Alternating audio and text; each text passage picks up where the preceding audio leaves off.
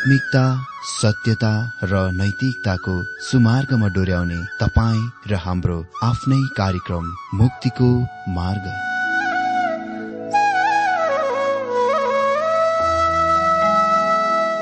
आदरणीय श्रोता यस मुक्तिको मार्ग कार्यक्रममा हार्दिक स्वागत छ। आशा छ यस आत्मिक कार्यक्रमद्वारा जीवनमा आत्मिक आशिष अलौकिक शान्ति र आनन्द प्राप्त गर्नुहुनेछ। र जीवनमा धन्य अनुभव गर्नुहुनेछ। आउनुहोस् श्रोता। मन र आत्माको तयारीको लागि यो मिठो अनि मधुर भजन गीत सुनौ।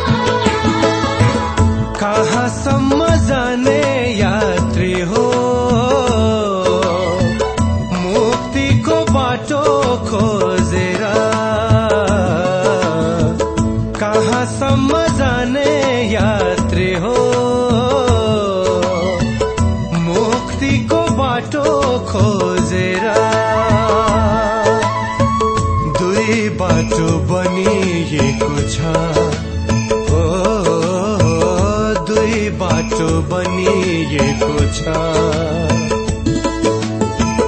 एउटा बाटो फराकिलो छ। बालमसम्म पुग्ने। अर्को बाटो यस्तो पनि छ। ख्रिस्टेसुसम्म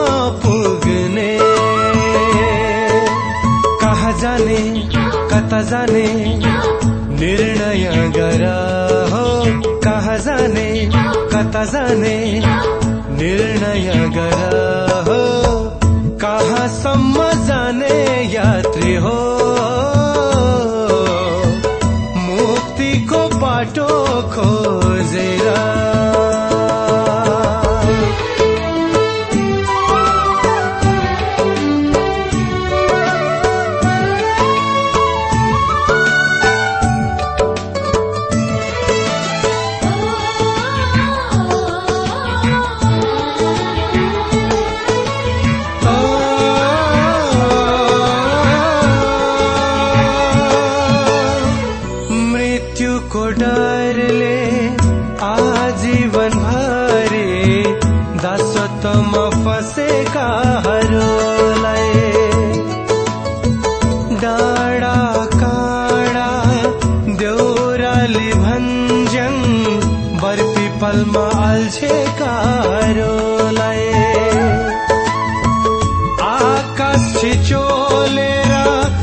जाने यसुले आकाश छिचोलेर जाने यसुले छुटकारा तिमीलाई दिनेछ।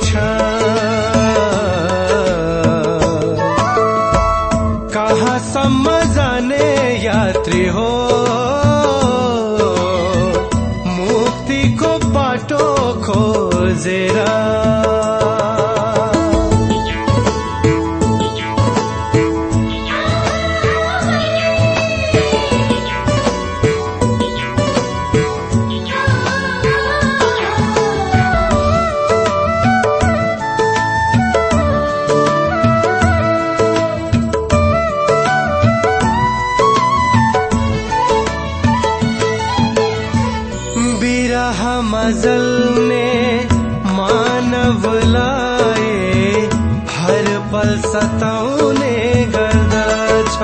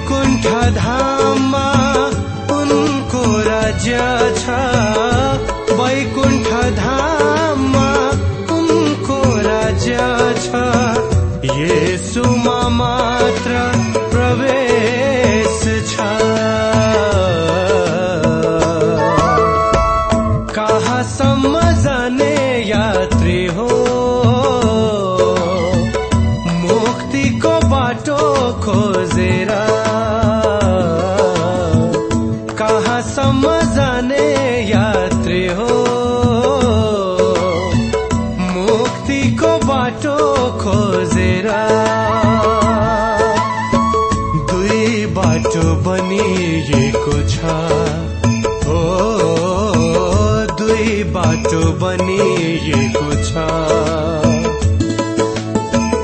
एउटा बाटो फराकिलो छ। बालमसम्म पुग्ने। अर्को बाटो यस्तो पनि छ।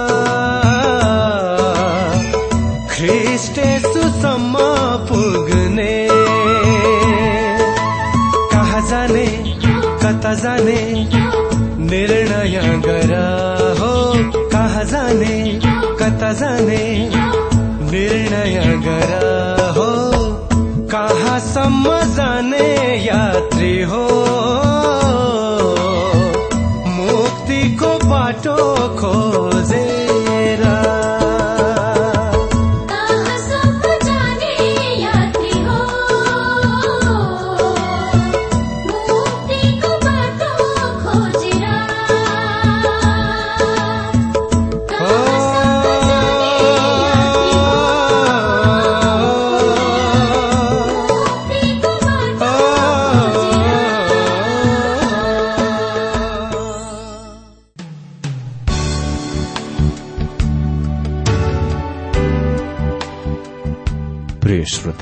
प्रसारण मार्फत यो अवगत गराउन चाहन्छौ कि प्रभुको सेवाको लागि यहाँहरूको साझेदारी नित्यन्त आवश्यकता छ। यहाँहरूले प्रार्थनाको साथसाथै आर्थिक सहायता गर्न अनुरोध गर्दछौ। तपाईँहरूको सानो भन्दा सानो भेटी किन नहोस्? हामी प्रभुको नाममा स्वीकार गर्नेछौ प्रभुको सेवाको लागि। तपाईँहरूको यो सानो लगानीले कसैको जीवनमा भिन्नता ल्याउँछ अनि प्रभुको महिमा हुन्छ। प्रभु तपाईँहरूलाई महान गरी आशिष दिनुहुनेछ। इच्छुक श्रोताहरूले तपाईँको इच्छा भेटी हाम्रो ठेगानामा पठाउन सक्नुहुन्छ जुन ठेगाना हामी कार्यक्रमको अन्तमा दिनेछौ। प्रिय श्रोता मित्र आज पनि मेरो प्रभु येशु ख्रिष्टको मधुर अनि सामर्थ्य नाममा जय मसी साथै हार्दिक स्वागत छ यो बाइबल अध्ययन कार्यक्रममा। श्रोता आजदेखि हामी बाइबल अध्ययन जकरिया बाह्रबाट आरम्भ गर्न गइरहेका छौं। बाह्र अध्यायदेखि चौध अध्याय चाहिँ अर्को नयाँ खण्ड हो। बाह्रदेखि चौध अध्यायमा हामी ख्रिस्टको दोस्रो आगमनसँग जोडिएको वा सम्बन्धित भविष्यवाणिक पक्षहरूमा आउँदछौं। यो जकरियाको भविष्यवाणीको दोस्रो र अन्तिम मुख्य खण्ड भाग हो। यो अति नै धेरै महत्वपूर्ण खण्ड हुने प्राथमिक कारण यो हो कि यो एकदम प्रत्यक्ष र स्पष्ट छ। जकरियाले यहाँ परमेश्वरको कार्यक्रम र योजनाको पेश गरिरहेका छन्। जकरिया एघार अध्यायमा भविष्यवक्ताले हामीलाई देखाए कि आफ्नो भेटको लागि आफ्नो जीवन दिने सत्य र असल गोठालालाई इन्कार गरियो अस्वीकार गरियो। मित्र वास्तवमा भन्नु नै पर्दा उहाँलाई चाँदीको तीस टुक्रामा बेचियो। ओ कति सस्तो मोल। हाम्रा छुटकारा सुन र चाँदीले किनिएका थिएनन् तर ख्रिष्टको अमूल्य रगतले किनिएको थियो। तर उहाँलाई त्यस दिनमा यसको लागि कति कम सस्तो दाममा बेचियो। जब प्रभु येशु ख्रिष्ट पृथ्वीमा हुनुहुन्थ्यो उहाँले भन्नुभयो युहान पाँच अध्ययको त्रितालिस पदमा म मेरो पिताको नाममा आए र तिमीहरूले मलाई ग्रहण गरेनौ। यदि अर्को चाहिँ उसको आफ्नै नाममा आए उसलाई तिमीहरू ग्रहण गर्नेछौ।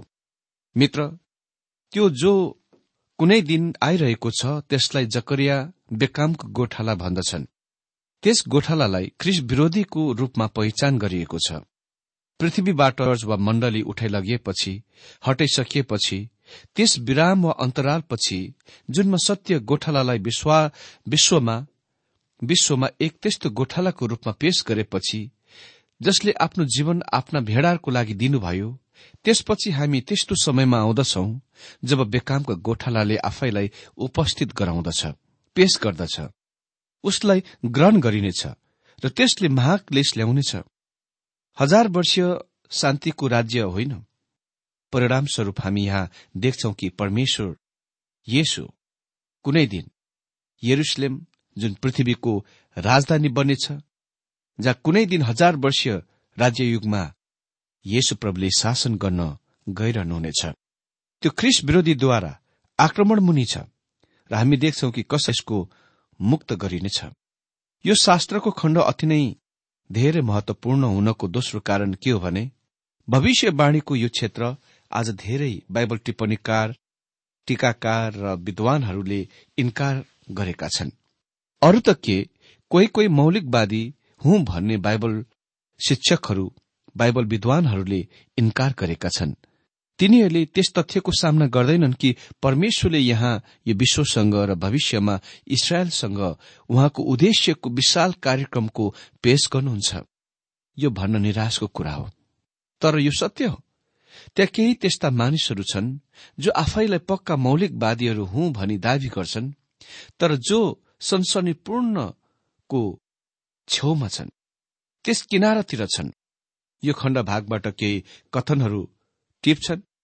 मलाई लाग्दैन यो कुनै इमान्दारी कुरा हो कि कुनै अनुच्छेदबाट निश्चित कुराहरू टिप्ने र ती तिनीहरूलाई आजको वर्तमान स्थितिमा फिट गर्न कोसिस गर्ने।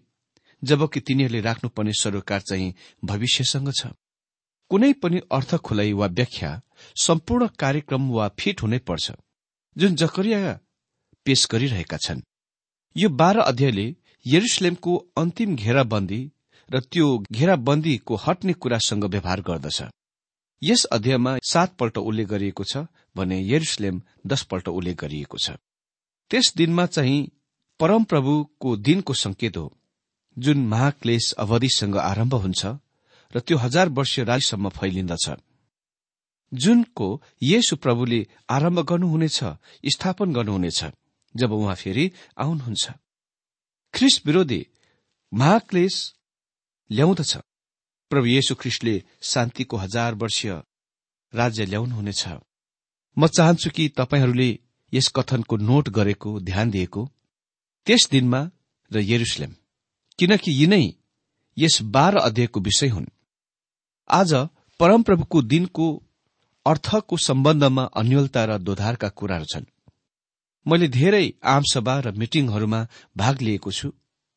र मैले थुप्रै बाइबल शिक्षकहरूले परमप्रभुको दिनको अति नै धेरै अस्पष्ट अनिश्चित विचारको सुनेको छु। जब मैले यी सुन्ने मेरो मनमा तुरन्तै यो ख्याल आयो। यदि पुलपिट यस विषयमा त्यति धेरै अस्पष्ट र अनिश्चित छ भने अरू विश्वासीहरूको सम्बन्धमा चाहिँ के होला? कि त्यहाँ परमप्रभुको दिन के हो? सो कुराको स्पष्ट बुझाइ सम्झाइ छ। जब तपाईँले यस्तो कथन सुन्नुहुन्छ परमप्रभुको दिन तपाईँ के सोच्नुहुन्छ? यसको वास्तविक अर्थ के हो? यो कुराको निश्चित धारणा शक्ति वा बुझाइ छ। वा यो खालि अस्पष्ट र असंगत कथन हो। जुन एक प्रकारको त्यस्तो कुनै छाता जस्तो हो जुनमा धेरै कुराहरू हाल्न सक्नुहुन्छ र जुन तपाईँको निम्ति लगभग हरेक कुराको अर्थ हो। तात्पर्य के हो? अर्थ के हो? हामीले मानिसहरूद्वारा महिमा शब्द प्रयोग गरेको सुन्छौं। यसको मतलब के हो? जब मानिसहरू भन्छन् आमेन। कुनै कुराको लागि तिनीहरूको त्यस आमेन भन्नुको तात्पर्य के हो? मित्र परमप्रभको दिन शास्त्रमा एक महत्वपूर्ण अभिव्यक्त वा कथन हो। यो जकरियाको पुस्तकमा मात्र अठार पल्ट उल्लेख भएको छ। हामी यस अभिव्यक्त वा कथनको ठूला भविष्यवाणीका पुस्तक र साना भविष्यवाणीका पुस्तकहरूमा पाउँदछौ। परमप्रभुको दिन। वास्तवमा यो युवलको पुस्तकको विषय हो।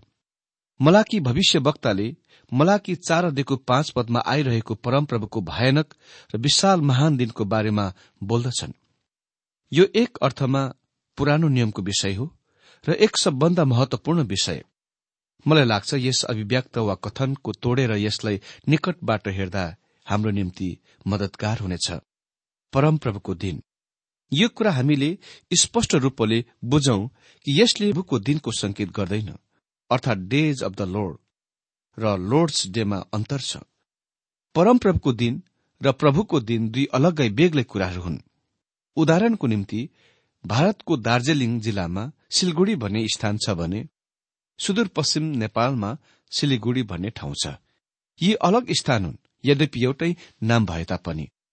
परमप्रभुको दिन चौबिस घण्टाको दिन होइन।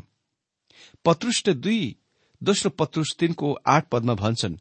तर प्रे हो यो एउटा कुरा नभुल कि प्रभुको निम्ति एक दिन हजार वर्ष झैं र हजार वर्ष एक दिन झैं हुनेछ। भविष्य वक्ताहरूले परमप्रभुको दिनमा सम्मिलित गरेका घटनाहरू चौबिस घण्टे दिनमा तिनीहरूको घट्ने कुराहरूको वा हुने कुराहरूको सम्भावितताको असम्भव बनाउँछ। वास्तवमा महाक्लेश अवधिमा स्थान लिन गइरहेको महान कुराहरू कोही कोही मानिसहरूलाई त्यसको वास्तवमा इन्कार गर्ने वा अस्वीकार गर्ने बनायो। र त्यस दृष्टिकोणको खिल्ली उडाउने मजाक गर्ने ठट्टा गर्ने कुरा बनायो। तिनीहरू तर्क गर्दछन् कि त्यस सात वर्षको संक्षिप्त समय अवधिमा त्यति धेरै संकष्टकालीन संकष्टपूर्ण घटनाहरू स्थान लिने कुरा घट्ने कुरा हुन सक्दैन। कसरी? यति कम समयमा त्यति धेरै एकपछि अर्को संकष्टका घटनाहरू घट्न सक्छन्। तर हरेक कुरा एकदम भिन्नै भएको छ। जब हामीले बिसौं शताब्दी पार गरेर एक्काइसौं शताब्दीमा प्रवेश गरेका छौं उदाहरणको निम्ति तिनीहरूको पत्रिकाको एक विषयमा युएस न्यूज एण्ड रिपोर्टले दश वर्षसम्म लियो उन्नाइस सौ साठीदेखि उन्नाइस सौ सत्तरीसम्म र त्यस संक्षिप्त अवधिमा धेरै सष्टकालीन घटनाहरूले स्थान लिएका वा भएका धेरै घटनाहरूका सूचीमा लेखेका थिए। आज विश्वमा संकष्ट वा संकष्टका घड़ीहरूले अति नै धेरै गति चाल लिइरहेका छन्। म सोच्दिन कि महान क्लेश अवधिको सम्बन्धमा सम्पूर्ण भविष्यवाणीहरूको पूरा गर्ने कुरामा परमेश्वरसँग कुनै कठिनाई वा समय हुनेछ। त्यसकारण परमप्रभुको दिन समयको अवधि हो। यसमा महाक्लेश अवधि र हजार वर्ष राज्यको सम्मिलित हुन्छ। के परमप्रभुको दिन आएको छ? के हामी यसमा रहिरहेका छौं? पुरानो नियम यो कुराको उल्लेख गर्दै अन्त हुन्छ कि त्यो अझै भविष्यमै छ। पुरानो नियमले त्यसलाई अगाडितिर अंकित गर्यो औल्यायो अनि नयाँ नियमले अझै त्यसतिरको प्रत्याशामा छ। प्रेरित पाउले यसको अति नै धेरै स्पष्ट बनायो कि त्यो अझै भविष्यमा थियो। पहिलो तेस्लो निकी पादेको दुई पदमा भनिएको छ किनकि तिमीहरू अझै राम्ररी जान्दछौ प्रभुको दिन त रातमा चोर आएझै आउनेछ। परमप्रभुको दिन पावलको दिनसम्म आएको थिएन। र त्यस बेलादेखि केही पनि भएको छैन जुनले संकेत गर्दछ कि त्यो दिन आएको छ। अह। परमप्रभुको दिनको चरित्रको वा विशेषताको सम्बन्धमा त्यो असल दिन हो र खराब दिन हो। एउटै सन्देशमा शुभ समाचार र खराब समाचारहरू आउन सक्छ। यो चाहिँ इटालियन हवाई जहाजमा पाइलट जस्तै हो जसले आकाशमा हवाई जहाजको उडान भरिरहेको बेला आफैलाई यात्रुहरूको सामुने परिचय गराए। त्यसपछि उसले भन्यो हामी तपाईँहरूलाई यस हवाई जहाजको यात्रामा स्वागत गर्दछौ। तपाईँहरूको निम्ति मसँग शुभ समाचार छ किनभने मसँग तपाईँहरूको लागि खराब अनि तपाईँहरूको निम्ति मसँग शुभ समाचार छ अनि मसँग तपाईँहरूको लागि खराब अशुभ समाचार पनि छ। सर्वप्रथममा म तपाईँहरूलाई अशुभ समाचार दिन्छु। हामीले तल नियन्त्रण कक्षबाट सम्पर्क हराएका छौं गुमाएका छौं। हाम्रो सम्पूर्ण रेडार सिस्टम बाहिर गइसकेको छ र हामीसँग कुनै रेडियो सम्पर्क छैन। वास्तवमा भन्नु नै पर्दा हामीलाई थाहा छैन कि हामी अहिले कहाँ छौं। त्यो अशुभ समाचार हो। अहिले शुभ समाचार हामीले असल समयको असल मौसमको पाइरहेका छौं। मौसम राम्रो भइरहेको छ। म तपाईँलाई भनौं। परमप्रभुको दिन शुभ समाचार र अशुभ समाचार हुन्। अशुभ समाचार पहिलो छ त्यो हो महान क्लेश। अनि दोस्रो चाहिँ शुभ सन्देश हो हजार वर्षीय शान्तिको राज्य। दुवै यी विशेषताको यो बाह्र अध्यायमा जोड दिइएको छ।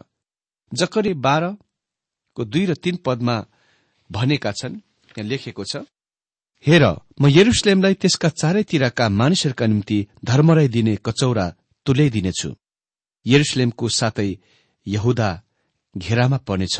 त्यस दिन जब पृथ्वीका सबै जाति त्यसको विरूद्धमा जम्मा हुनेछ म यरुसलेमलाई सबै जातिहरूका निम्ति एउटा अट्टल चट्टान तुल्याइदिनेछु। त्यसलाई चलाउने सबैले साह्रै चोट पाउनेछ। यो अशुभ समाचार हो। तर चौधको आठ पदबाट यता असल शुभ समाचार पनि छ। यहाँ यस प्रकार लेखिएको छ चौधको आठ पदमा त्यस दिन यरुसलेमबाट जिउँदो पानी निस्केर आउनेछ। मित्र त्यहाँ शुभ समाचार र अशुभ समाचारहरू छन्। अनि बाह्र अध्यायमा हामी अशुभ समाचारहरूसँग व्यवहार गरिरहेका हुनेछौं। त्यसकारण हामी कहाँ यहाँ महाक्लेश र यरुसलेमको घेराबन्दीको पेश गरिएको छ यो नै समय हो। यर्मियाले याकुबको कष्टको समय भन्दछ। यर्मिया तीस सदेको पाँच र सात पदमा हामी पढ्छौं परमप्रभु यसो भन्नुहुन्छ डरको आवाज र त्रासको आवाज सुनिँदैछ। शान्तिको होइन। सोध र हेर के लोग्ने मानिसले छोराछोरी जन्माउन सक्छ र? किन त हरेक बलियो मानिस प्रसव वेदनामा परे झै आफ्नो हातले पेट समातेको म देख्दछु। किन हरेकको अनुहार मरेको जस्तै पहिलो भएको छ? हाय त्यस्तो त्यो दिन कस्तो डरलाग्दो हुनेछ। त्यस्तो अरू कुनै दिन पनि हुने छैन। याकुबको निम्ति यो दुःखको दिन हुनेछ। तर ऊ त्यसबाट बचाइनेछ दानियले पनि यस समयको सम्बन्धमा लेखे दानियल बाह्र दिएको एक पदमा त्यस दिनमा तिम्रा मानिसहरूलाई रक्षा गर्ने प्रधान राजकुमार मिखाल देखा पर्नेछ। यसले संकष्टको समय आउनेछ यस्तो संकष्टको समय आउनेछ कि जातिहरू शुरू भएदेखि त्यस बेलासम्म। कहिले पनि भएको छैन। तर त्यस बेला तिम्रा मानिसहरू जीवनको पुस्तकमा नाम लेखेका सबै बचाइनेछन्। प्रभु येशुले यस समयको बारेमा बोल्नुभयो।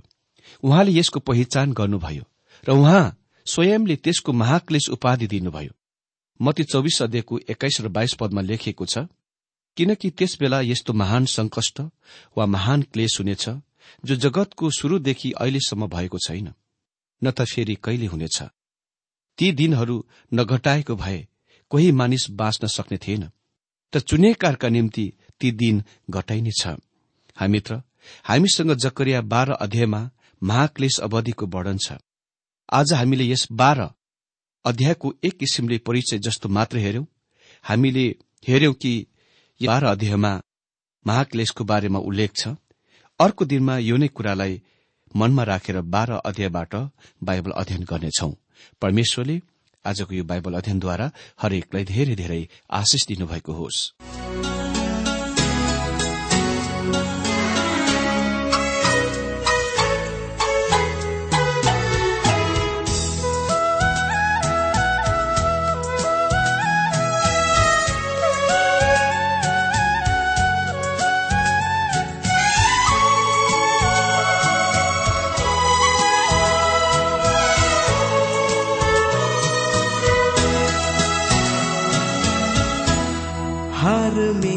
मेरो स्वीकारेर तिमीलाई अर्पण छु। लेउ प्रभु जीवन मेरो। तिमीलाई सुम्पन छु। हार मेरो स्वीकारेर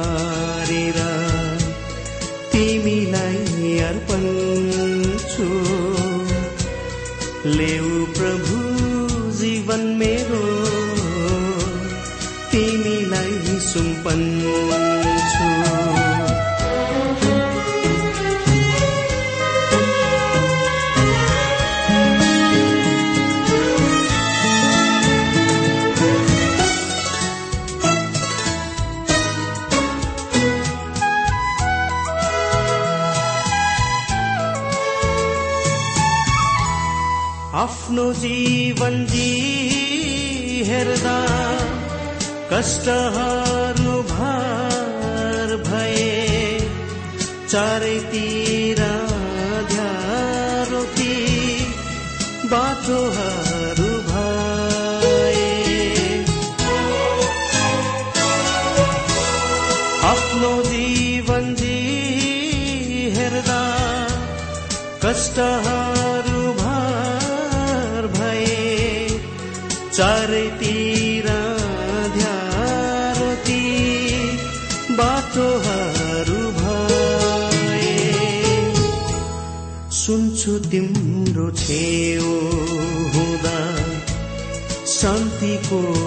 वास छ। अशान्तिले थिच्यो प्रभु। देववास तिम्रो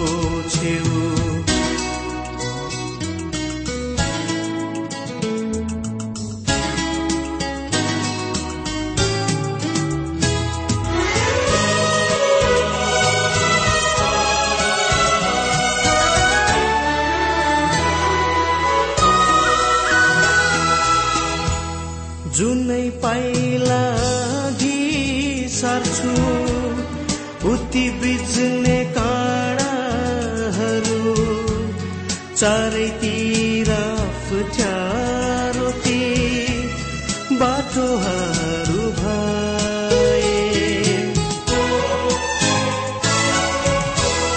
जुनै पाइला सर्छु उति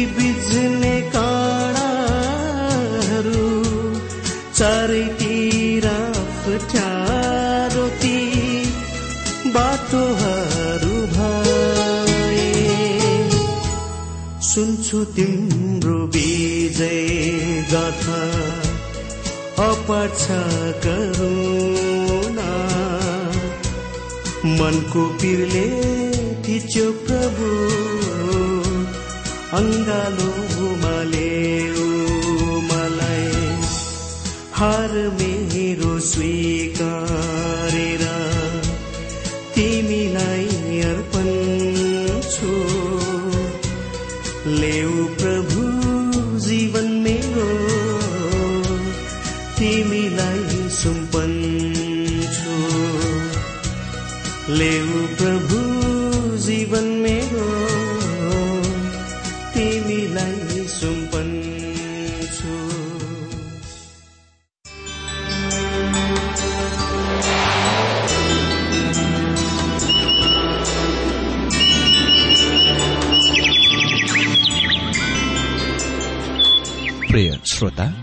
भर्खरै तपाईँले टीडब्ल्यूआर नेपालद्वारा सञ्चालित आत्मिक कार्यक्रम मुक्तिको मार्ग सुनिरहनु भएको थियो। श्रोता आजको यो कार्यक्रम सुनेर तपाईँलाई कस्तो लाग्यो? यदि यो कार्यक्रम सुनेर मनमा कुनै खुल्दुली वा कुनै प्रतिक्रिया अर्थात सुझावहरू छन् भने हामीलाई पत्रद्वारा लेख्न सक्नुहुनेछ।